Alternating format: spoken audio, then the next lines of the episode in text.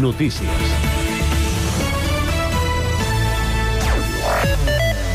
Bona tarda. Mostrar que el Banc del Temps és una eina efectiva en l'àmbit del benestar i la salut emocional és un dels objectius de les jornades internacionals que s'estan fent aquest dimarts i dimecres a Sant Cugat. Un punt de trobada de diferents experiències d'arreu del món, amb el voluntariat i la solidaritat com a eix central. Aquest dimarts al matí s'ha donat el tret de sortida a aquesta proposta amb una vuitantena d'assistents a la Casa de Cultura i la participació en línia de representants d'arreu del món. Vox ha sol·licitat una reunió a l'alcalde Josep Maria Vallès per tractar els problemes de convivència que hi ha, segons el partit d'extrema dreta, arran de l'ocupació de l'antiga oficina de CaixaBank a l'Avinguda de Cerdanyola. Cugat Media ha confirmat amb els Mossos que l'espai tancat des de fa 3 anys està actualment ocupat i que s'ha avisat a la propietat, però que aquesta encara no ha denunciat l'ocupació. El portaveu de Vox, Marcos Rodríguez, ha assegurat que els veïns els han fet arribar malestar en diverses ocasions. No obstant això, Mossos ha apuntat a Cugat Media que no han rebut cap denúncia per l'ocupació. Des de mitjans de mes, de aquest local. El mitjà públic també ha visitat la zona i ningú ha explicat aquests problemes. La CUP ha engegat el procés de Garbí, un espai d'anàlisi que convida la ciutadania a debatre quin ha de ser el futur full de ruta de la formació i definir el seu projecte polític, un procés de reactivació que arriba després dels mals resultats del partit a les eleccions municipals i generals i que vol detectar les inquietuds de la militància i dels moviments socials. A Sant Cugat, la CUP celebrarà una assemblea oberta el 12 de desembre a la sala clave de la Unió per aportar un granet de sorra al procés. L'Ametller Origen del Mercat Vell obrirà les portes dijous, nou mesos després que l'Ajuntament anunciés l'aterratge de l'empresa al mercat per revitalitzar-lo. La botiga ocuparà la meitat de l'espai del mercat i serà la quarta del grup a Sant Cugat, amb l'objectiu de potenciar la venda d'aliments frescos i de proximitat, tot i que també tindrà una zona de degustació. La reforma ha anat a càrrec d'Ametller Origen i Gourmet Sant Cugat, l'empresa gestora del Mercat Vell. En esports és notícia que el Club de Golf Sant Cugat s'ha proclamat campió de Catalunya Interclubs Absolut en una competició disputada aquest cap de setmana al camp del Torre Mirona a Girona. L'equip Sant Cugatenc, integrat per Carlota Carmona, Cameron Fremont, Eric Díaz, Jack Dixon Hume, Ignacio Jiménez i Albert Matías Astre s'han imposat per 529 cops, 5 menys que el segon classificat, que és el Golf Terramar. Eric Díaz ha tingut una actuació decisiva el darrer dia de competició aquest diumenge amb la millor volta assignada de 71 cops i finalitzant per sota el par del camp. Res més per ara, la informació torna d'aquí una hora a la mateixa sintonia i constantment a internet a www.cugat.cat.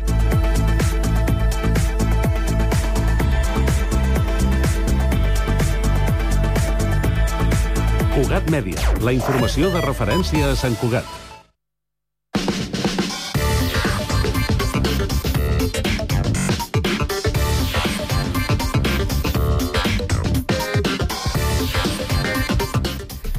Són les 5 i 3 minuts de la tarda. Continuem amb el Connectats. Abans de seguir amb els continguts del programa, sapiguem com està el trànsit a aquesta hora de la tarda. Roger Serra, des del Servei Català de Trànsit. Què tal? Bona tarda. Doncs eh, parlem en principi de relativa calma, com és habitual en aquesta xarxa viària. Encara hi ha poc volum de trànsit, però sí que és cert, algunes vies es carreguen, sobretot estem parlant de la zona del Vallès. A més a més, tenim aquestes obres a la C-17, al tram de Parets del Vallès, que provoquen aturades de quilòmetre, quilòmetre i mig en sentit Granollers, o sentit Vic, això com et deia, en aquest tram de la C-17 a l'altura de Parets del Vallès. També, com et deia, es carreguen vies del Vallès, com poden ser la mateixa B30, a la zona de Barberà, en direcció sud, o la C58, al darrer quilòmetre, també més carregat a tocar del nus de la trinca. Per tant, alguns punts que sí que es carreguen, però en general encara podem parlar de relativa calma en aquesta xarxa viària catalana. Moltes gràcies, Roger. I mirem també com està el transport públic en aquests moments. Connectem amb Albert Garran del Transmet.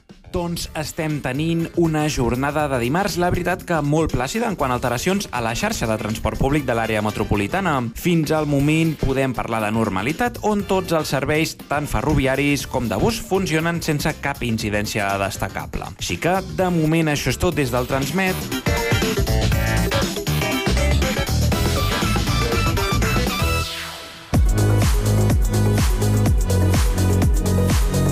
Tarda, de 4 a 6, Connectats. Una experiència radiofònica a Sabadell, Terrassa, Sant Cugat, Castellà, El Prat i Badalona.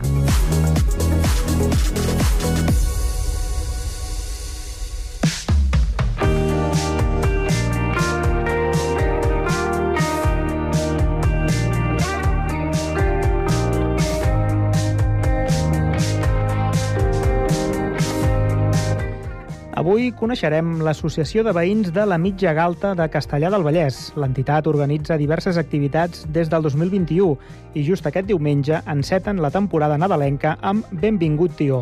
Per parlar-nos-en tenim a l'Elisenda Tirado als estudis de Ràdio Castellà amb en Jaume Clapés. Bona tarda.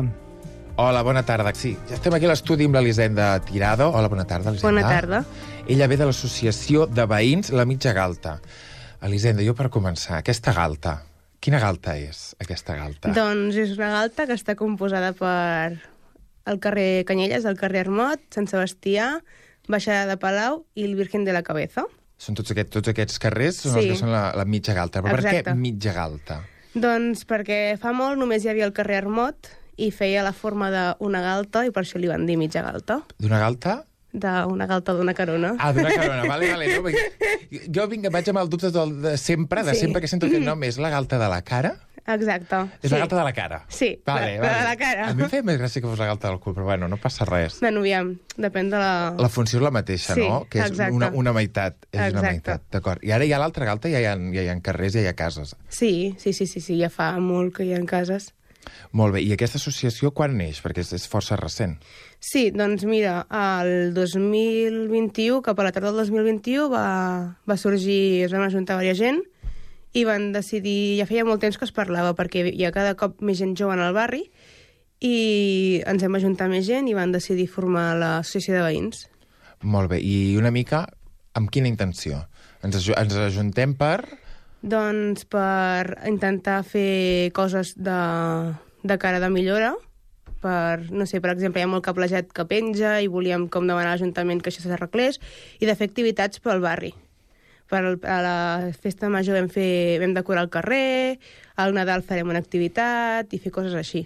Molt bé, i això comença a la tardor del 21, i amb quina activitat veu començar? Ostres, Crec... crec, Recordes? Podria ser que fos de les primeres... crec que va ser la de Nadal del 2021. Em sona que sí que vam fer ja això, el tema del tio el 2021. Perquè aquest diumenge, aquest diumenge dia 2 de desembre, feu una activitat que es diu Benvingut al Tió. Exacte. Que podria ser molt bé que fos amb la que comencéssiu l'any sí, passat. jo diria que sí. Sí, sí, sí. D'aquest primer any de- d'activitat de, de l'entitat, com ha sigut, com us noteu, quines coses bones, poder coses a valoració, quina valoració em faries? Bueno, el tema és que és un lloc on hi ha molta gent gran. O sigui, tot i que hi ha gent jove, la majoria és gent gran i costa molt com fer cosetes. Però, bueno, crec que bé, perquè vam començar amb el tema del tió, van haver-hi molta gent que ens va ajudar. Llavors, és un barri on hi ha molta gent andalusa. I llavors va fer també una activitat d'amigues, que la gent gran del barri va participar molt. Ai, que, bé- que bones les Sí, sí, mines. sí, va estar molt bé també. I llavors a partir d'aquí ja vam fer la de curar el carrer per festa major i coses així. Són de la Higuera, la gent? Perquè... Crec que sí, Creus que, sí? gran part de la gent és de la Higuera. Perquè pels oients que no ho sàpiguen, a Castellà del Vallès està germanat amb la Higuera perquè hi ha moltíssima... No sé quina època va ser, deu ser els 50, Ostres, no t'ho sé dir. 60... O fins i tot abans va, va venir molta gent d'allà de la Higuera i són poble germanat Castellà del Vallès amb la Higuera. Molt bé, activitat d'amigues. Activitat d'amigues, també feu castanyada... No? No, no vam- no. Mira, m'ho he inventat. Sí. Per la castanyada vau fer res? No, Alguna altra cosa així, a part de les, de les migues? Mm, vam fer... És que... Veu decorar el carrer des de... Sí, ah, mira, al principi de l'estiu vam fer un sopar, Vale. un concurs de truites. Vale. Va ser aquest estiu. Al principi vam fer això, un concurs de truites, i llavors un sopar de veïns. I tot això intentem fer al Parc Canyelles, que és un parc de Castellà que està com molt abandonat, creiem, i per donar-li una mica de vida. De Vidilla, aquella Sí. zona.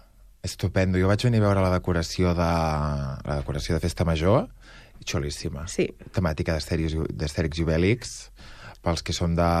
pels que som millennials, veure l'Astèrix... Sí o no? Sí, de qui sí, va, sí. ser, va ser vostra, la idea va ser Bueno, de, perquè jovent? una persona de la mitja galta, uh, del, del, de la Junta, sempre diu que és com la petita gàlia de Castellà. Oh, I a partir d'aquí va sorgir la idea de fer això. Molt bé. Sí. Molt bé, que xulo. I, i parlant una mica del, del Nadal, perquè aquí a Nadal hi ha moltíssim... Déu-n'hi-do el Nadal, bueno, Nadal tot arreu, no? Les, Sí. les coses que, amb un repunt d'activitats i de coses Sí. i tal i qual. Com planegeu vosaltres aquesta activitat de benvingut al tió?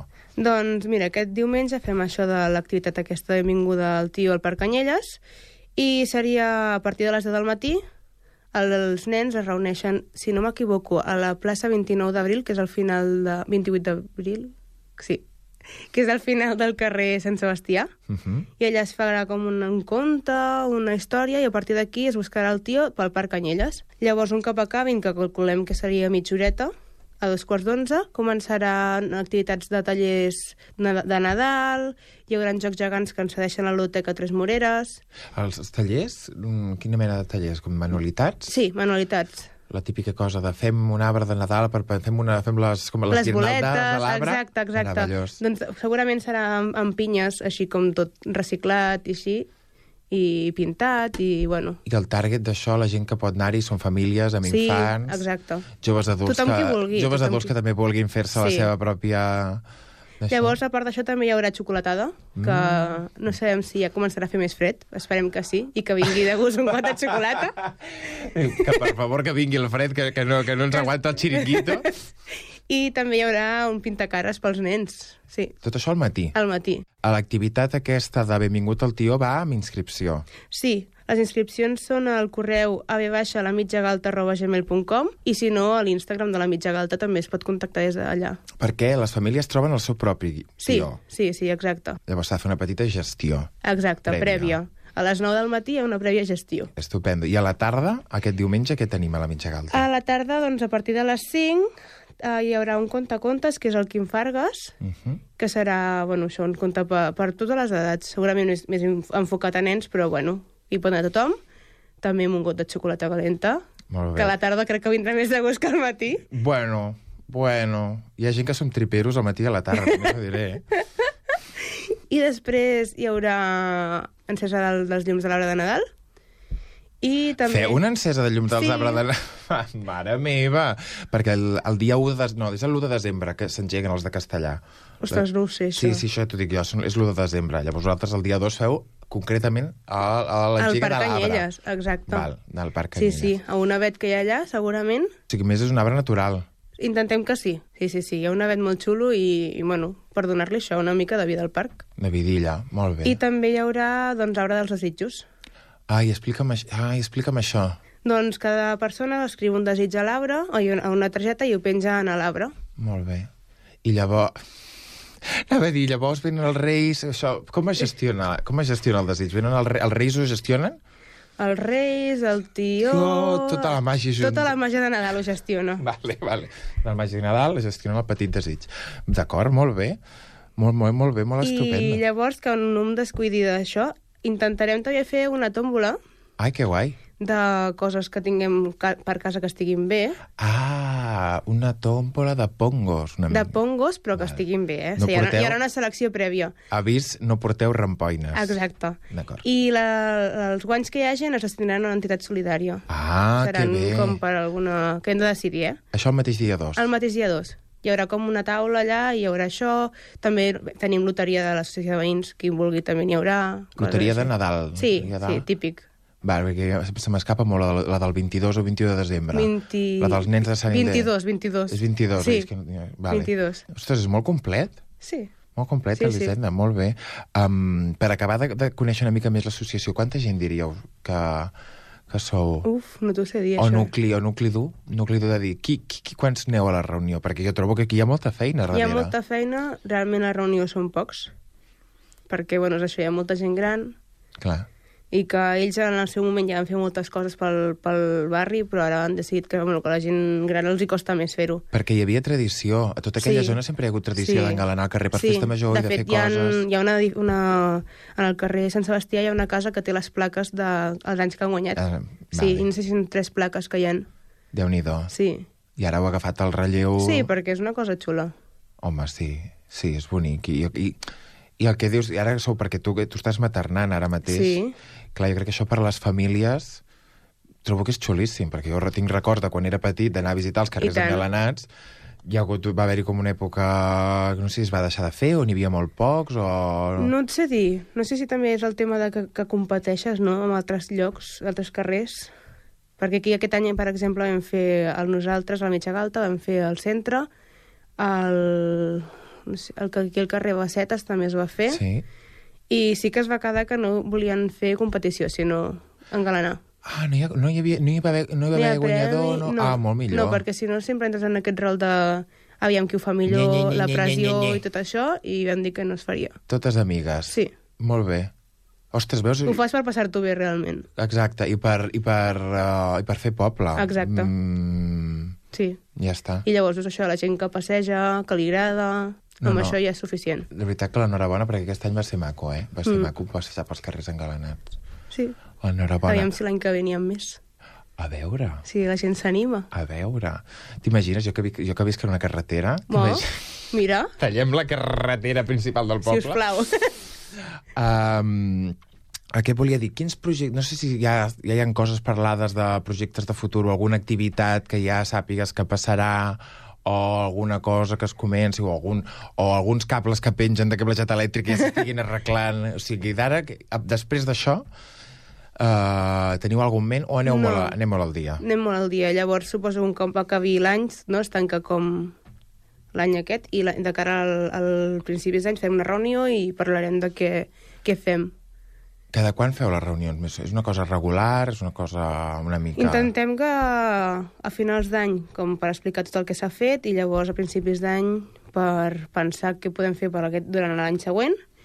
I, per exemple, a la activitat de Nadal, doncs els que estem organitzant hem quedat més sovint i per aquesta setmana, si no m'equivoco, fem una reunió amb els veïns per demanar també ajuda i quan, és dir, quan s'apropa l'activitat Anem una, fem, sí, Ara hem estat aquí uns quants fent de nucli d'organitzant i pensant. Exacte. I ara anem a fer, bueno, ara que ja està tot la feina com la feina organitzativa, que podés més feixuga i ja està d'allò, mans, no? Exacte, aneu a demanar sí. gent que posi les mans. Molt bé. Uh, doncs, doncs, doncs, per part meva, poca cosa més. Moltes gràcies per venir, Elisenda. de res. Per acomiadar sempre aquesta secció, sempre demanem a, a l'entitat o la persona convidada que ens dediqui una cançó, que ens digui una cançó, te la posem aquí. No sé quina cançó has triat. La Nòria de Stay Homes. Per alguna, per alguna cosa en concret? Una cançó que m'agrada, que trobo que transporta bon rotllo. Bon rotllo. Els has vist mai en directe, Stay Home? No, Jo tampoc. no, no.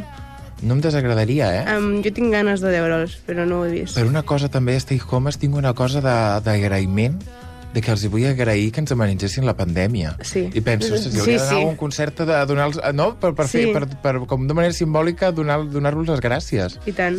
Sí, sí. Doncs molt bé, Elisenda, amb la Nòria ens acomidem. Gràcies per venir. A vosaltres. escrit als ulls la vida sencera. Late night, sal i llimona. You know I'm coming home. Ja no m'importa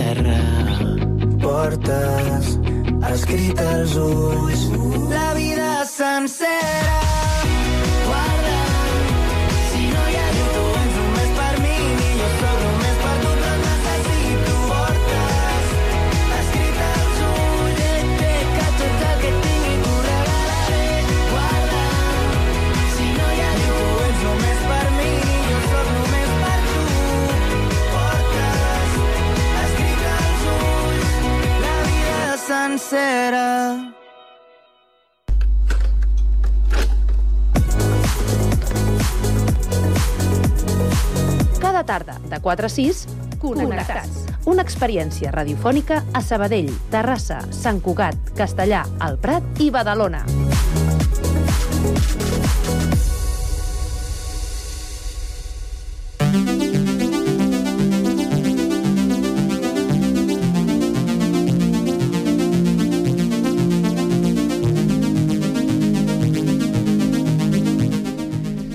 Arriba el Nadal i amb les festes arriben també els dinars i sopars en què mengem fins a tipar-nos.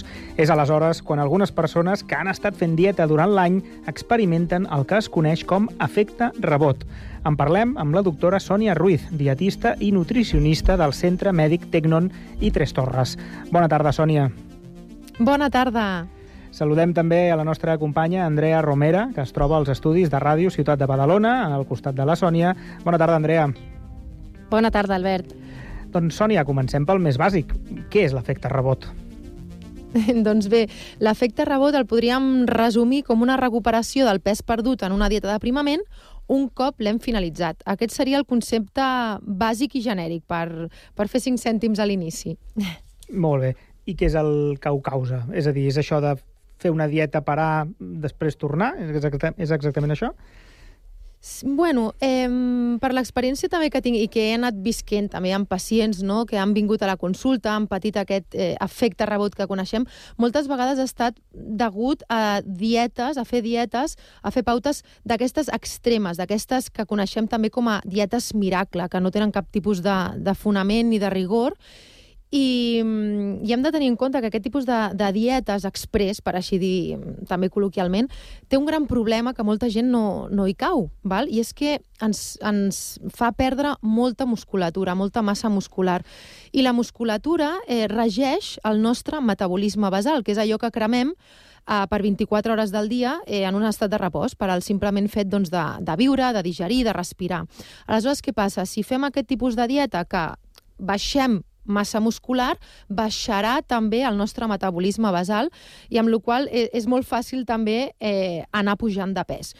Us vaig a posar un exemple perquè s'entengui això una miqueta millor del tema de la massa muscular, que és una mica in extremis, però bueno, per entendre una mica millor aquesta idea que us comento. Imaginem-nos, no sé, un sofà amb un noi superfort de gimnàs versus el mateix sofà amb, un, amb una persona obesa amb un noi obès eh, al mateix sofà, no? i estan una hora allà, els dos estirats.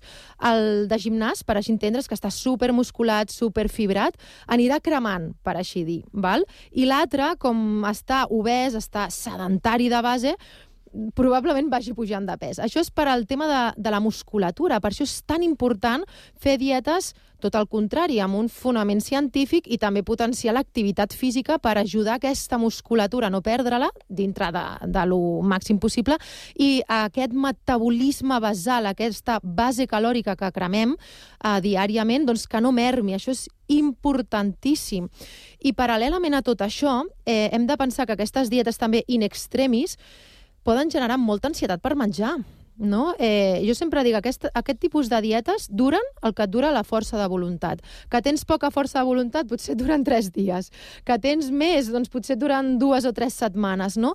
Però eh, és important saber que quan et, se t'acabi aquesta força de voluntat i comencis a, a tenir via lliure, per així dir, probablement mengis molt més i, i en excés no? de, del que tu tenies desig, del que t'havien tret, etc etc i engreixarem, engreixarem molt més per, per aquesta pròpia ansietat que ens hem anat generant degut a aquestes dietes que no tenen cap tipus de rigor. Per poder identificar aquestes dietes miracle de les quals parles, quines -huh. serien les seves característiques? És a dir, quines són les dietes més típiques que provoquen aquest efecte rebot? Bueno, podríem... De fet, si busquem, Andrea, per internet, eh, per desgràcia, surten bastantes, podríem destacar, per exemple, les típiques dietes líquides, que van a base de sucs, només sucs, i, i una dieta totalment líquida que no, no tindria cap tipus de, de sentit per al tema d'aprimament, no? Eh, fer una dieta líquida, doncs, dos mesos. No té, gaire, no té gaire sentit. O bé aquestes dietes que estan totalment desequilibrades, són hipocalòriques, però que són fetes, per així dir, pues, sense fonament, com deien, o sigui, a la babalà, sense personalitzar i sense, sobretot, un professional al darrere. També hi ha dietes eh, excloents, no? que, que exclouen determinats tipus d'aliments, que pots fer també carències nutricionals i que mm, hem de vigilar, i també eh, monodietes, no? que jo els dic, és a dir, la dieta, per exemple, no sé, de la pinya, i et passes un mes menjant només pinya, o la dieta de la carxofa, o la dieta de la poma, que per desgràcia això hi ha, hi ha gent que, que ho fa. Al final és que hi ha gent que ho fa i és, és important eh, que se sàpiga la importància i el perill també que pot desencadenar aquests tipus de canvis dietaris tan, tan, tan forts, no? tan, tan extrems, i podem destacar una altra més també, que aquestes també són bastantes, bastant famoses o a temps enrere, que es feien bastant, que són la dieta típica de sobres i substituts eh, contínuament, no? Per eh, esmorzar, dinar, sopar, tots sobres, sobres, sobres, que l'únic que et varia potser és el saboritzant que li afegeixen i poca cosa més. Aleshores, sempre que veiem un tipus de, de pauta dietària d'aquest estil, el que recomano és fugir, en tot cas. Parlava l'Albert al principi de les festes de Nadal, que ja arriben, sí. i tots aquests àpats, no? dinars, sopars amb dolços, eh, canelons, sopa, de tot una mica, i potser algun dels nostres oients ens està escoltant ara i s'està donant de que està seguint una dieta miracle mhm. d'aquestes. Uh -huh. Estem a temps encara de, de que no patim aquest efecte rebot durant aquestes festes? I tant, i tant. A veure, si el que volem fer, per exemple, és intentar cuidar el nostre pes, no? degut a això, no? que venen una mica les festes, volem cuidar-nos o bueno, tenim eh, aquestes setmanes últimes perquè, no sé, per motius personals o familiars, no sé, eh, volem, no sé, aprimar, en aquest cas, que és el que estem parlant, és important, sobretot, que aquest, aquell pla dietari que seguim, que sigui prescrit, elaborat per un dietista nutricionista. O sigui, bàsicament, és això. Tot el que més és un... entre, entre com inter, uh, entre interrogants possible risc per la nostra salut? Mm, no ho sabem. Per això és tan important sempre acudir a, a un professional. I la meva recomanació també no és fer dieta com a tal. Al final és un canvi d'hàbits. O sigui, al final tenim un objectiu, eh, aprimar el que sigui, no? 10 quilos, 5 quilos, el que sigui, si ho mirem com una dieta com a tal, ja comencem malament. Val? És a dir, hem d'intentar eh, veure la realitat, que és un procés lent, val? és un procés de canvi de, dels nostres hàbits eh, dietaris, amb la qual cuidado, perquè pot ser que hem de treballar algunes tendències familiars alimentàries que tenim, hem de treballar la cultura alimentària que tenim en molts casos, és a dir, al final, doncs, no, és que jo estic acostumat a fer això a la tarda perquè des de petit sempre ho faig, ja és una tendència no? eh, familiar. Tot això, al final, ho hem d'anar treballant i ho hem, ho hem d'anar intentant mm, amoldar lo més saludable possible. I també aquí, que deies, Andrea, d'enfocar-lo al tema de Nadal, sempre poso l'exemple d'un cotxe, no? Si anem conduint i ens ve una pujada enorme, quan acceleres? Abans de la pujada o durant, durant mentre estàs pujant la pujada? Abans, no?, per agafar l'empenta. Doncs vindria a ser igual. Si veiem que ve, venen les festes, no ens posarem ara a cridar, a, a posar-nos nerviosos i tal per canviar els hàbits, sinó prèviament, tranquil·lament, amb una pauta elaborada correcta, agafarem aquella pujada eh, de forma més saludable. Ens has donat una sèrie de recomanacions de prevenció, però posem per cas que no aconseguim evitar aquest efecte rebot. Mm -hmm. Quines conseqüències pot tenir per la nostra salut? Primer de tot el pes, val? que és el que comentaven, el tema, el tema de l'augment de pes, també desequilibris nutricionals. Cuidado, perquè aquí també, doncs, ostres, poden haver carències o, o excessos eh, vitamínico-minerals o, o, o, o del nostre hemograma, de les nostres analítiques sanguínies. Per tant, és important sempre tenir en compte que no només l'efecte yo-yo o l'efecte rebote és una conseqüència ponderal, sinó que té altres desequilibris, no? I a part també pot augmentar el risc de, de patir complicacions en persones que tinguin patologies de base, doncs una diabetis, una hipertensió, clar, ostres, hem de, hem de vigilar tot el nostre historial mèdic també, no? Conjuntament amb el nutricionista, que seria l'ideal. Clar, si ens passa alguna d'aquestes coses per culpa de l'efecte rebot, què Imagino farem? que el, el més important és anar a un nutricionista, no? Ah, exacte, perquè ens reguli, perquè ens quadri la pauta i perquè conjuntament també no, doncs amb, amb el doctor, perquè jo sempre dic que contra més sigui un pla multidisciplinar amb l'ajuda d'un metge, una nutricionista, fins i tot un psicòleg, perquè no, no? Doncs anar empantant i anar remant cap endavant i sobretot això amb la salut per davant. Perquè totes aquestes mesures casolanes que a vegades fem de doncs ara vaig a fer esport, molt d'esport, excessiu esport, que no n'havia fet mai jo d'esport, però ara, ara en faré molt perquè noto que tinc uns quilets de més. O el dejú, per exemple. Mhm. Mm -hmm. Això quines conseqüències pot tenir per la nostra salut? Doncs jo diria, des de la, també la meva experiència i la meva formació, que té el mateix risc al final de, que, que estem parlant a nivell nutricional, doncs amb l'esport, no? Faig molt, molt, molt esport, després ho deixo, vindria a ser com un, entre cometes, efecte rebot esportiu, també podria ser, no? I amb el tema del, del dejú, doncs és el mateix, s'ha de valorar. El dejú, eh, depèn a quins pacients amb certes patologies els hi pot anar molt bé, però hi ha altres pacients que potser no, o el seu cos metabòlicament no els hi va bé i s'ha d'estudiar, s'ha d'estudiar si aquell pacient és un, per així dir, candidat eh, correcte, apte per a aquest tipus d'alimentació. Això sempre s'ha d'estudiar prèviament. Parlaves de patologies i és que totes aquestes males pràctiques és cert que poden augmentar el risc de patir patologies. Per què passa això? Doncs bé, això perquè aquests desequilibris nutricionals poden esquitxar a, a desequilibris també nutricionals i no tan sols per així dir, físics o sanguinis eh, o nutricionals, com els que estàvem comentant, sinó també risc per la nostra salut mental no? que ara també cada vegada més la salut mental està agafant força, doncs potser sembla molt exagerat, però el tema d'aquest tipus de dieta també pot ser una amenaça per a aquesta salut paral·lela, per a aquesta salut mental de la persona. Doncs per què?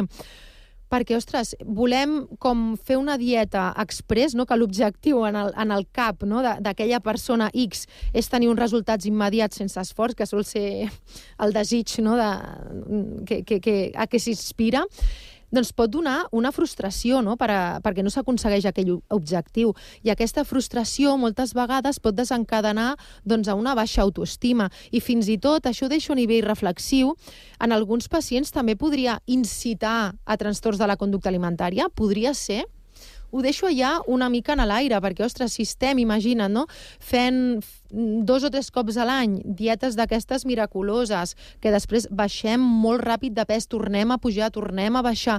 Això, al final, quina, quin esquitx, no? quina conseqüència psicoemocional no? té per aquella persona? Doncs, al final, moltes vegades, doncs és el que comentem, pot afectar a nivell psicoemocional, en la nostra autoestima i en el nostre benestar psíquic, bàsicament. I, i Sònia, què, què en penses de, de les dietes aquestes del dejú, del dejú intermitent, que, que s'estan posant també molt, molt de moda? Són recomanables? Sí, doncs és justament el que, el que comentava abans, no? que depèn, sempre és depèn. És a dir, hi han pacients que tenen algunes patologies de base, no? com per exemple, posar un exemple, eh, pacients que tenen algun tipus de disbiosi intestinal, de desequilibri intestinal, de sobrecreixement bacterial, típic SIBO, no? que ara s'està també parlant molt, doncs eh, hi han perfils de pacients amb patologies intestinals que sí que van bé com petits dejuns al llarg del dia i també dejuns nocturns, no? Per exemple, doncs, del sopar al, a l'esmorzar, mínim 12 hores sense, sense menjar, per deixar un descans um, gastrointestinal. Doncs eh, i a part doncs, també podem quadrar aquesta dieta per estimular la pèrdua de pes en aquell pacient. Doncs hi ha casos que sí, que es pot estudiar i es pot aplicar, però hi ha altres casos que potser sí que és contraproduent, amb la qual per això bàsicament és important, arrel de, de l'historial mm, dietètic o clínic que tingui el pacient, adaptar-li i bueno, recomanar-li no, o potser hi ha una altra pauta que li pot ser més fructífera al pacient, o bueno, acabar-la de valorar. I abans d'acabar, ara que, com dèiem, tenim el Nadal a les portes i Sí. les taules són d'aquestes contundents i costa dir que no. Quins són els, con- quin consell o, o consells ens donaries davant de mm, allò, la taula del 24, del 25 i del 26?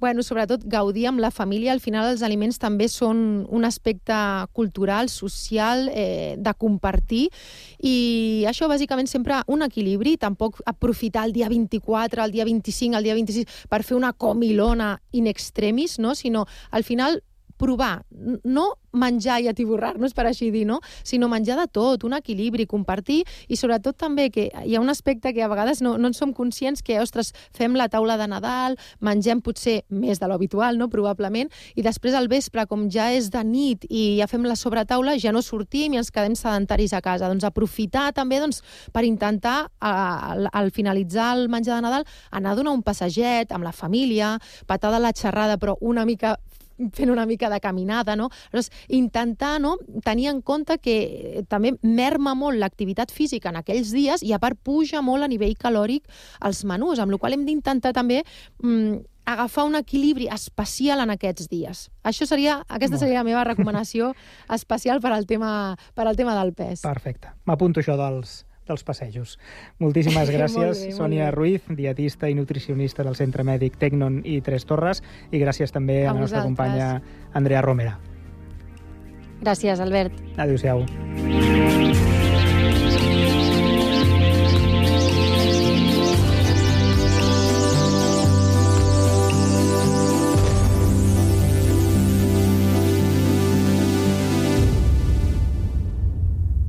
Hola, connectats.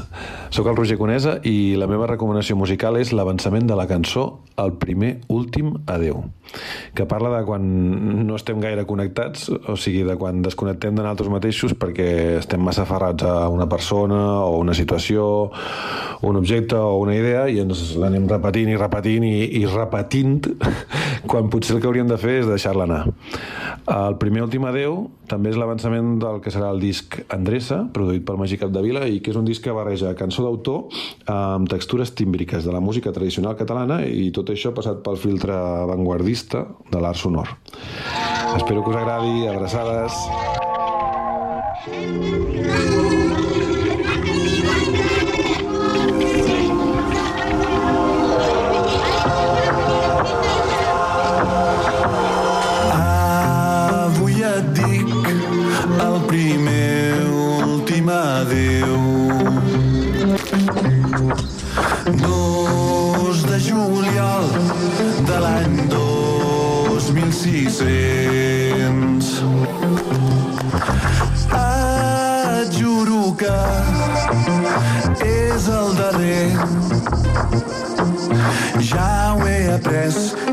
Faré més, però hi torno. Avui rebràs el segon gran comiat. El gran Houdini era un aficionat. No m'he escapat i he posat cap. Sóc el valent més reincident, però hi torno. Quan és que es pot donar per acabat de veritat? Un ben segur no ho faré més. Quan és que els absoluts, com mai dels mais, tothom, ningú deixen de ser els referents? Quan és que vaig cedir el meu poder de decidir? De decidir... De decidir...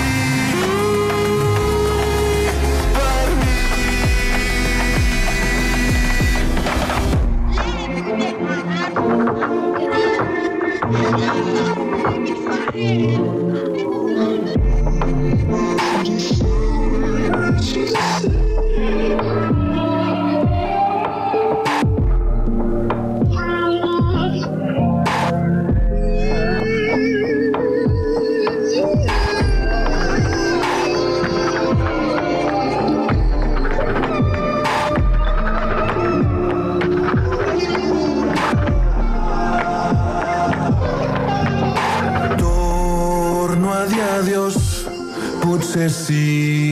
que vaig tard. Costa entendre, però ho he madurat. Ressona igual, sense fer tant de mal. No n'hi ha per tant, sé el que em cal, però dona'm més temps, que ja me'n desprenc. No em costa gens, és un moment, però hi torno. Quan és que es pot donar per acabat de veritat? Un ben segur no ho faré més. Quan és que els absoluts, com mai dels nais, tothom, ningú deixen de ser els referents. Que vaig cedir el meu poder de decidir.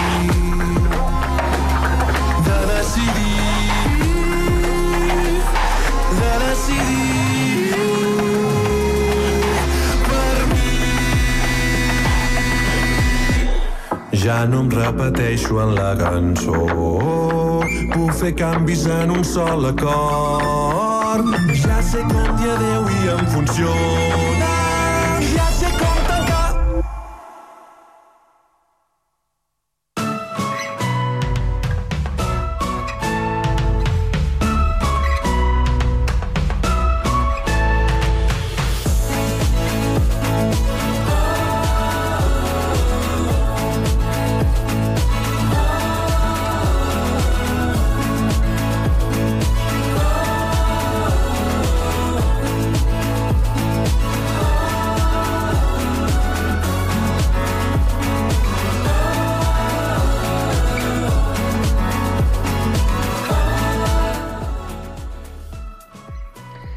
El santcugatenc Arturo Pomar, el nen prodigi que el Nodo va instrumentalitzar durant la postguerra fins a convertir-lo en la icona de l'Espanya en blanc i negre, és el protagonista de la novel·la El Peó. El nen prodigi dels escacs va ser tota una eminència en aquest joc i en el record queda la partida que va acabar en taules l'any 1962 contra el mític Bobby Fischer al torneig d'Estocolm i que li serveix de fil conductor a l'autor del llibre, Paco Cerdà. Bona tarda. Hola, bona tarda, què tal, com estem? Molt bé. Escolta'm, coneixies l'Arturo Pomar, o la història de l'Arturo Pomar, abans de fer el llibre? Pues no, la veritat és que va ser una casualitat que un dia viatjant amb l'AVE vaig veure un xicotet reportatge de 10 minuts d'Informe Robinson que es titulava El cartero genial i ahir vaig descobrir a, a un talent eh, descomunal dels escacs, però no només això, com Arturo Pomar, sinó un xiquet que havia sigut utilitzat per franquisme per a bueno, intentar mostrar a, a la resta del món una Espanya diferent a la que era real. Aquella Espanya en blanc i negre, de misèria, d'analfabetisme, i com Arturo Pomar, o el xiquet Arturito, era capaç d'empatar de, al campió del món dels escacs amb només 12 anys. I aquella història, la veritat és que em va entusiasmar. Molt bé. Um, L'Arturo Pomar, eh, que va morir a Sant Cugat el 2016, no sé si vas arribar-lo a conèixer personalment per fer el llibre. Pues no, no, no el vaig arribar a conèixer i és una, una de les penes no? que, que, que arrastre. En canvi sí que vaig poder, eh, he pogut conèixer a, a la seva família, més concretament al seu fill Eduard Pomar, uh -huh. que és el que m'ha anat subministrant de, de la informació bàsica d'aquella vida tan, tan èpica, no? d'un xiquet que, que de ben menut ja mirava el seu pare jugar als escacs, que als 8 anys era capaç de jugar a les cegues sense mirar cap taulet ni cap peça, que, que sorprenia a, a Balears, a, concretament a Palma de Mallorca, quan, quan jugava contra curtits jugadors d'escacs i els derrotava a tots, i que, i que va ser un fenomen brutal al, al nodo de, dels anys 40, perquè no paraven de treure a, el niño prodigio de l'ajedrez, com li diuen, no? el Mozart de l'ajedrez. Un Mozart de l'ajedrez que, si, que si no haguera sigut per néixer en el tauler equivocat, és a dir, en l'Espanya en l'Espanya del franquisme, en l'Espanya de la dictadura tan, tan cutre no? I, tan, i tan manipuladora, pues diguen que haurà pogut arribar a ser un candidat ferm a, a ser campió del món dels escacs. Uh -huh. Va arribar a ser, per això, mestre. És, de fet, és el primer mestre, interna mestre d'escacs de, internacional que, que va tenir Espanya, no?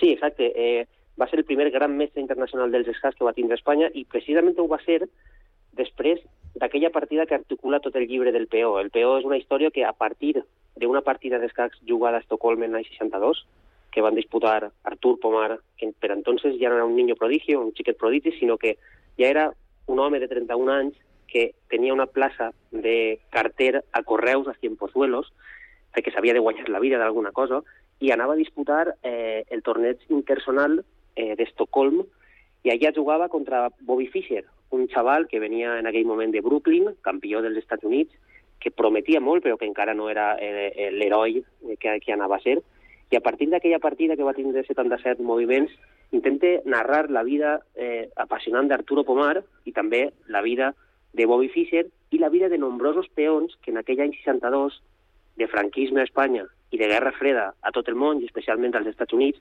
van sacrificar la seva vida individual en nom d'una causa col·lectiva, és a dir, republicans, anarquistes, maquis, gent del Black Power, gent eh, pacifista, gent comunista als Estats Units, en plena casa de bruixes, que van veure com eren utilitzats com a peons en aquest tauler, que és la història, i aquestes vides minúscules són les que intente eh, recuperar al llibre. Mm -hmm. Molt bé, perquè, com deies tu, el, el llibre segueix el fil dels 77 moviments i cada capítol no, és, és un dels moviments. No sé si tu ets, ets jugador d'escacs, eh, diríem, estàs habituat a aquest argot o t'has hagut d'informar molt?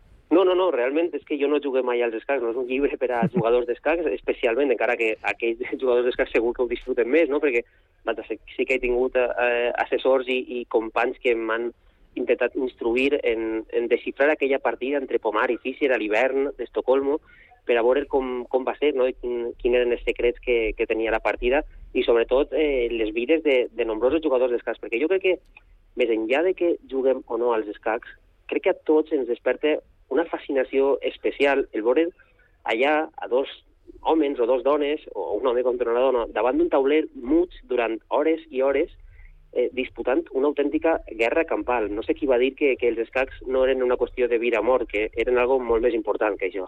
pues crec que, crec que els escacs tenen aquesta mescla de, de cultura, d'història, de política, també perquè han servit per a combats polítics, especialment al segle XX, també d'esport, també de ciència, de matemàtica fins i tot, quan allò que diuen que hi ha més jugades d'escacs possibles que àtoms de l'univers, és que és increïble, no? Són unes, unes magnituds que, que a mi sempre m'ha fascinat i aquestes vides també dels jugadors d'escacs, perquè quan tu portes el cos al límit en, en l'esport, el cos ho acaba pagant, no? Estem veient de Rafa Nadal, per exemple, no?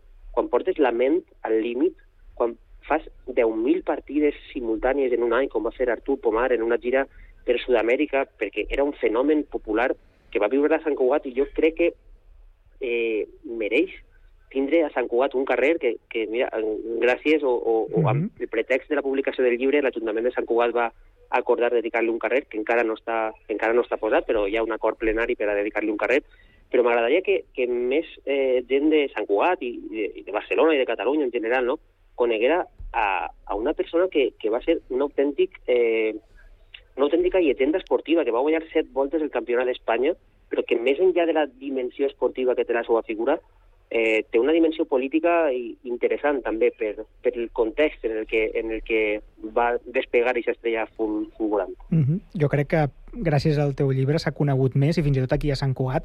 Um, aquí coneixem el seu fill, perquè va ser regidor a l'Ajuntament, uh, l'Eduard Pomar, i una mica, segurament, la gent més gran potser sí que coneixia la història del, de l'Arturo, però la gran majoria de gent no, no ho coneixia i, evidentment, fora de, de Sant Cugat segurament encara, encara menys, encara no? menys. segurament per, uh -huh. perquè era una figura del franquisme molt, molt, molt vinculada. I... Sí, molt marcada, injustament, no? Exacte. Uh, I jo crec que has posat sobre la taula aquest, aquest personatge i ara fa poc va haver-hi aquest acord de ple i bueno, suposo que ja saps que els temps administratius no són molt ràpids, però vaja, si hi ha l'acord, acabarà tard o d'hora tenint aquest espai en el carrer perquè quedi en el, en el record. I deies abans de que s'ha utilitzat el, els escacs es va utilitzar en aquell moment com a arma política, etc. I, clar, tots recordem el, precisament el, el, el no record de l'Arturo Pomar, però sí que recordem el Bobby Fischer i el, mm. aquella partida no? amb, el, amb la en plena Guerra Freda, amb el soviètic Boris Spassky, i el que va significar allò, no? És a dir, allò era més que una partida d'escacs de, en aquell moment.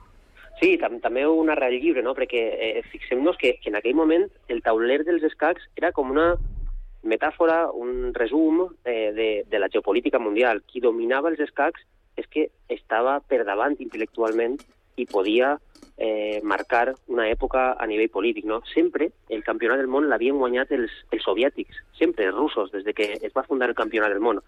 I en aquell any 72, 10 anys després de la partida entre, entre Pomar i Fischer, en aquell any 72 un nord-americà, per primera volta, Bobby Fischer, arriba a la final i el seu govern li diu escolta, ves a lluitar contra els soviètics i derrota'ls.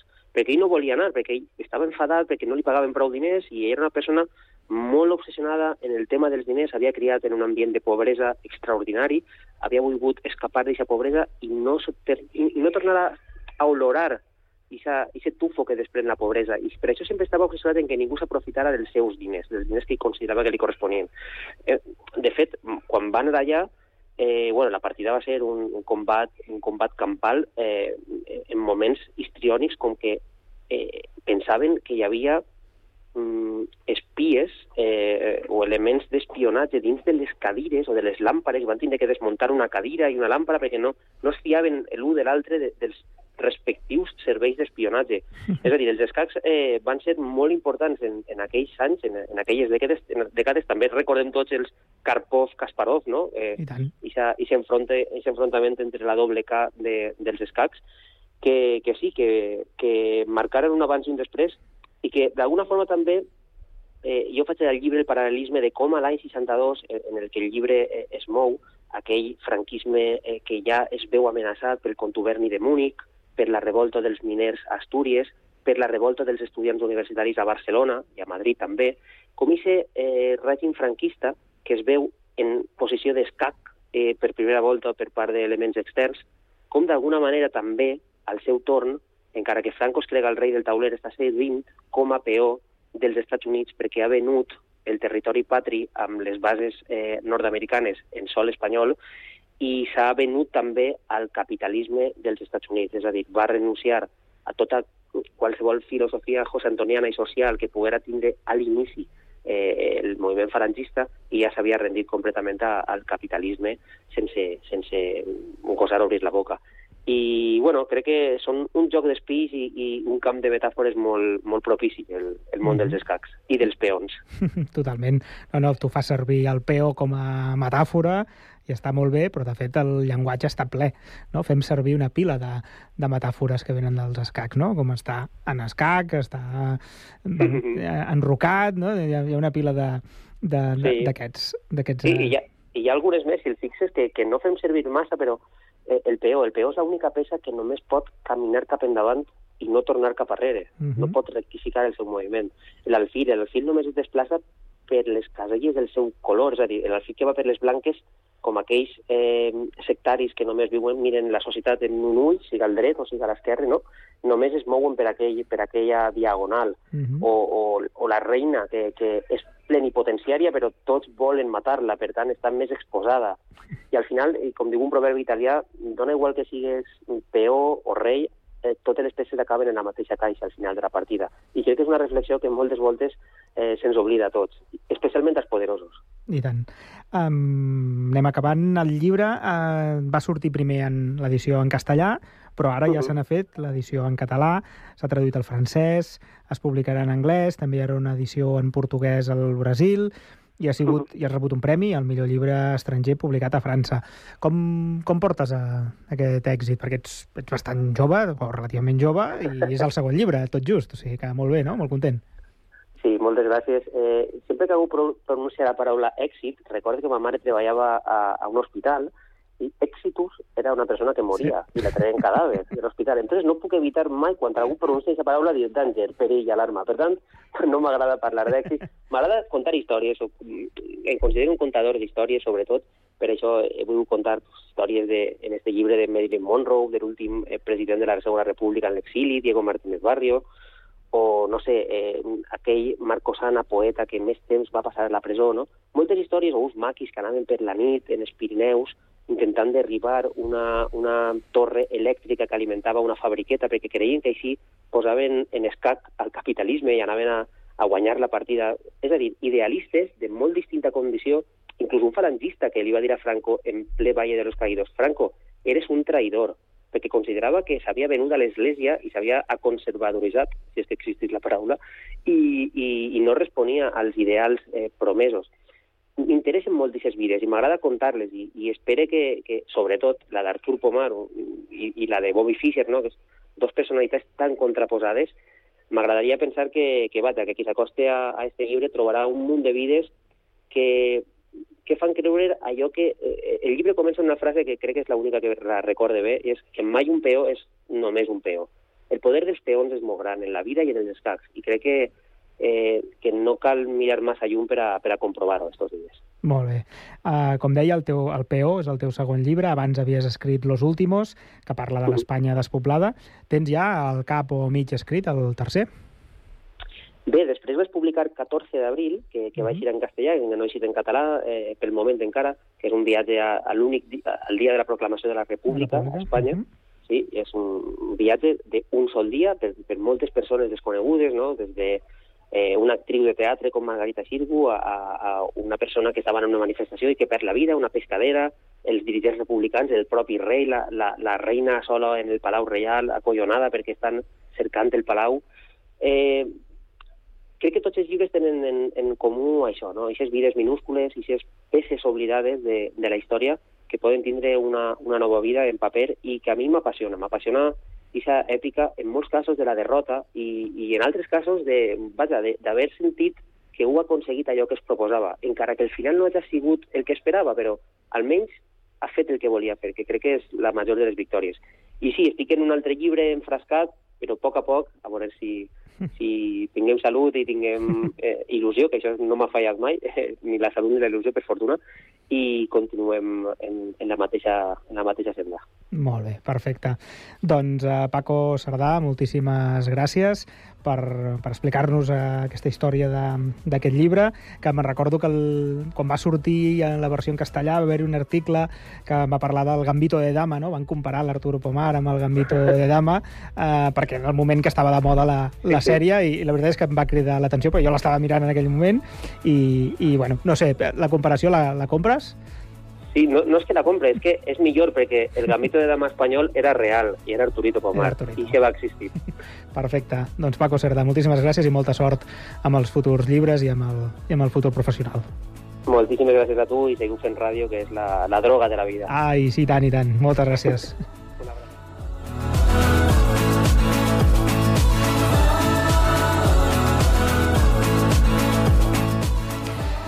Doncs arribem ja al final del Connectats d'aquest dimarts 28 de novembre de 2023. Estem a punt d'arribar, faltarà a les 6 de la tarda. Demà, ja ho sabeu, com sempre, tornem a les 4 de la tarda per explicar què passa a Terrassa, a Sabadell, a Castellà del Vallès, a Badalona, al Prat del Llobregat i a Sant Cugat del Vallès. Moltíssimes gràcies i que acabeu de tenir un molt bon dia.